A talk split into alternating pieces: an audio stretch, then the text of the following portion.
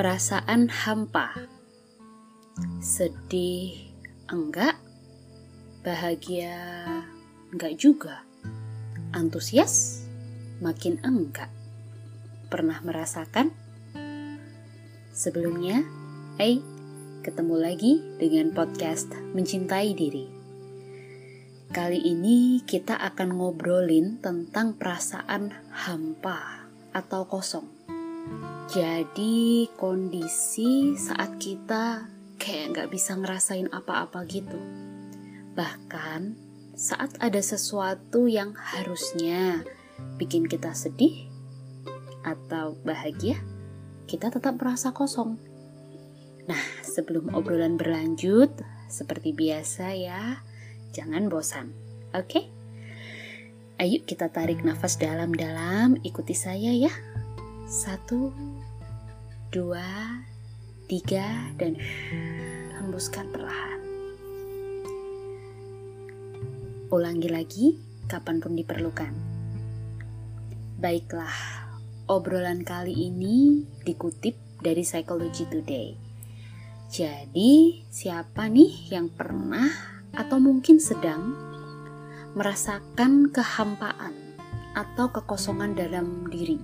Jadi, rasanya kurang lebih begini nih. Saat kita sedang gak bahagia, tapi juga gak sedih, dan pesimis juga enggak sih, tapi juga enggak ngerasa yang punya harapan. Atau bisa juga kayak gini nih, kita nih melihat hidup seperti dari sudut pandang orang lain, dari sudut pandang kamera CCTV. Jadi, saat kita sedang ada di situasi di mana seharusnya kita merasa sangat emosional, entah sedih atau bahagia, eh kok malah nggak ngerasain apa-apa ya, kayak gitu. Bahkan kadang kita jadi kayak merasa kok kayak kita nih kayak nggak bener-bener ngerasain diri kita ya, kayak nggak terkoneksi dengan badan kita sendiri. Jadi kurang lebih rasanya kosong, benar-benar kosong, seperti mati rasa. Pernah mengalami? Nah, hal ini memang terdengar aneh ya, karena ini seperti ada sejenis kematian dalam perasaan kita sampai rasanya benar-benar kosong.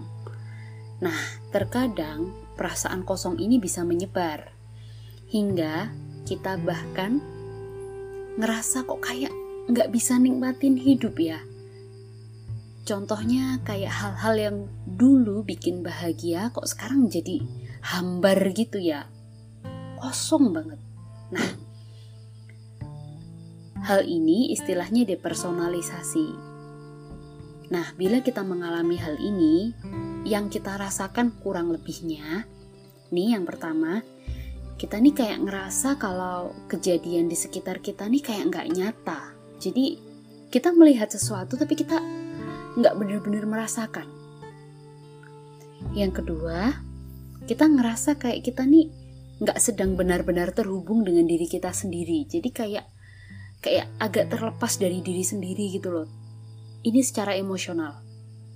Nah, yang ketiga, bahkan kadang kita bisa jadi tidak merasakan emosi apa pun.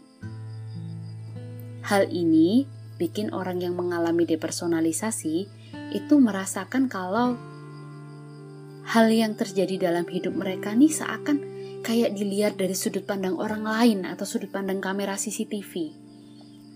Bahkan beberapa orang yang mengalami depersonalisasi itu juga kayak kehilangan kontrol akan apa yang dirasakan dan dilakukan. Menantang ya. Nah, lantas pertanyaannya nih, kenapa kita merasakan hal itu? Kok bisa sih? Nah, depersonalisasi sebenarnya adalah mekanisme untuk melindungi diri dari hal yang terlalu menyakitkan untuk dirasakan saat ini.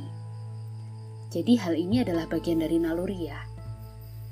Karena saat berhadapan dengan hal yang sangat menyakitkan, contohnya kejadian traumatik ya, manusia punya tiga respon dasar.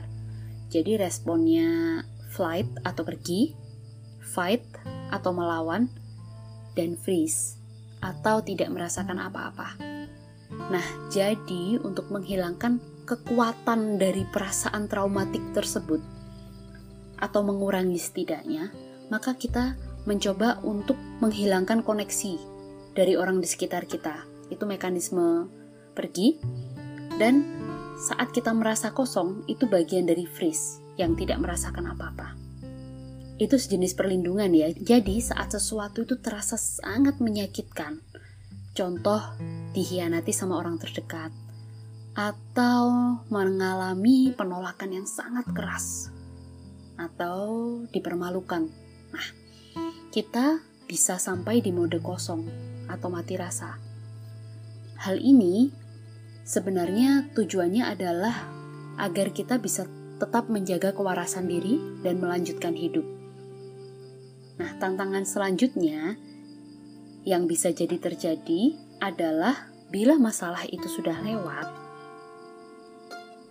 mekanisme pertahanan diri itu masih ada karena kekosongan itu sudah jadi pola dasar kita dan itu semua terjadi secara tidak sadar ya. Nah, memang sih saat kita punya pola ini bisa jadi sepintas kita terlihat seperti sosok yang tegar dan percaya diri. Kita terlihat bisa menghadapi kondisi terberat dalam hidup. Nah, tapi sayangnya ini ada dampaknya juga untuk kita Nah, sebelum obrolan berlanjut, jangan lupa ya untuk tarik nafas dalam-dalam dan hembuskan perlahan kapan pun diperlukan. Oke? Mari kita lanjutkan. Kekosongan emosional ini, bila dibiarkan berlarut-larut, bisa membuat kita menyembunyikan diri kita yang sebenarnya. Parahnya lagi, kita juga bisa jadi menyangkal kebutuhan kita. Memang hal ini terasa berbeda-beda ya untuk masing-masing dari kita.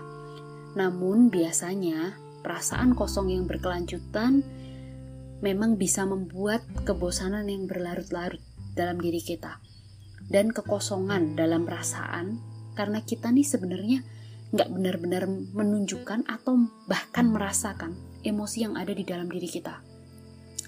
Dalam psikologi, hal ini disebut affect fobia.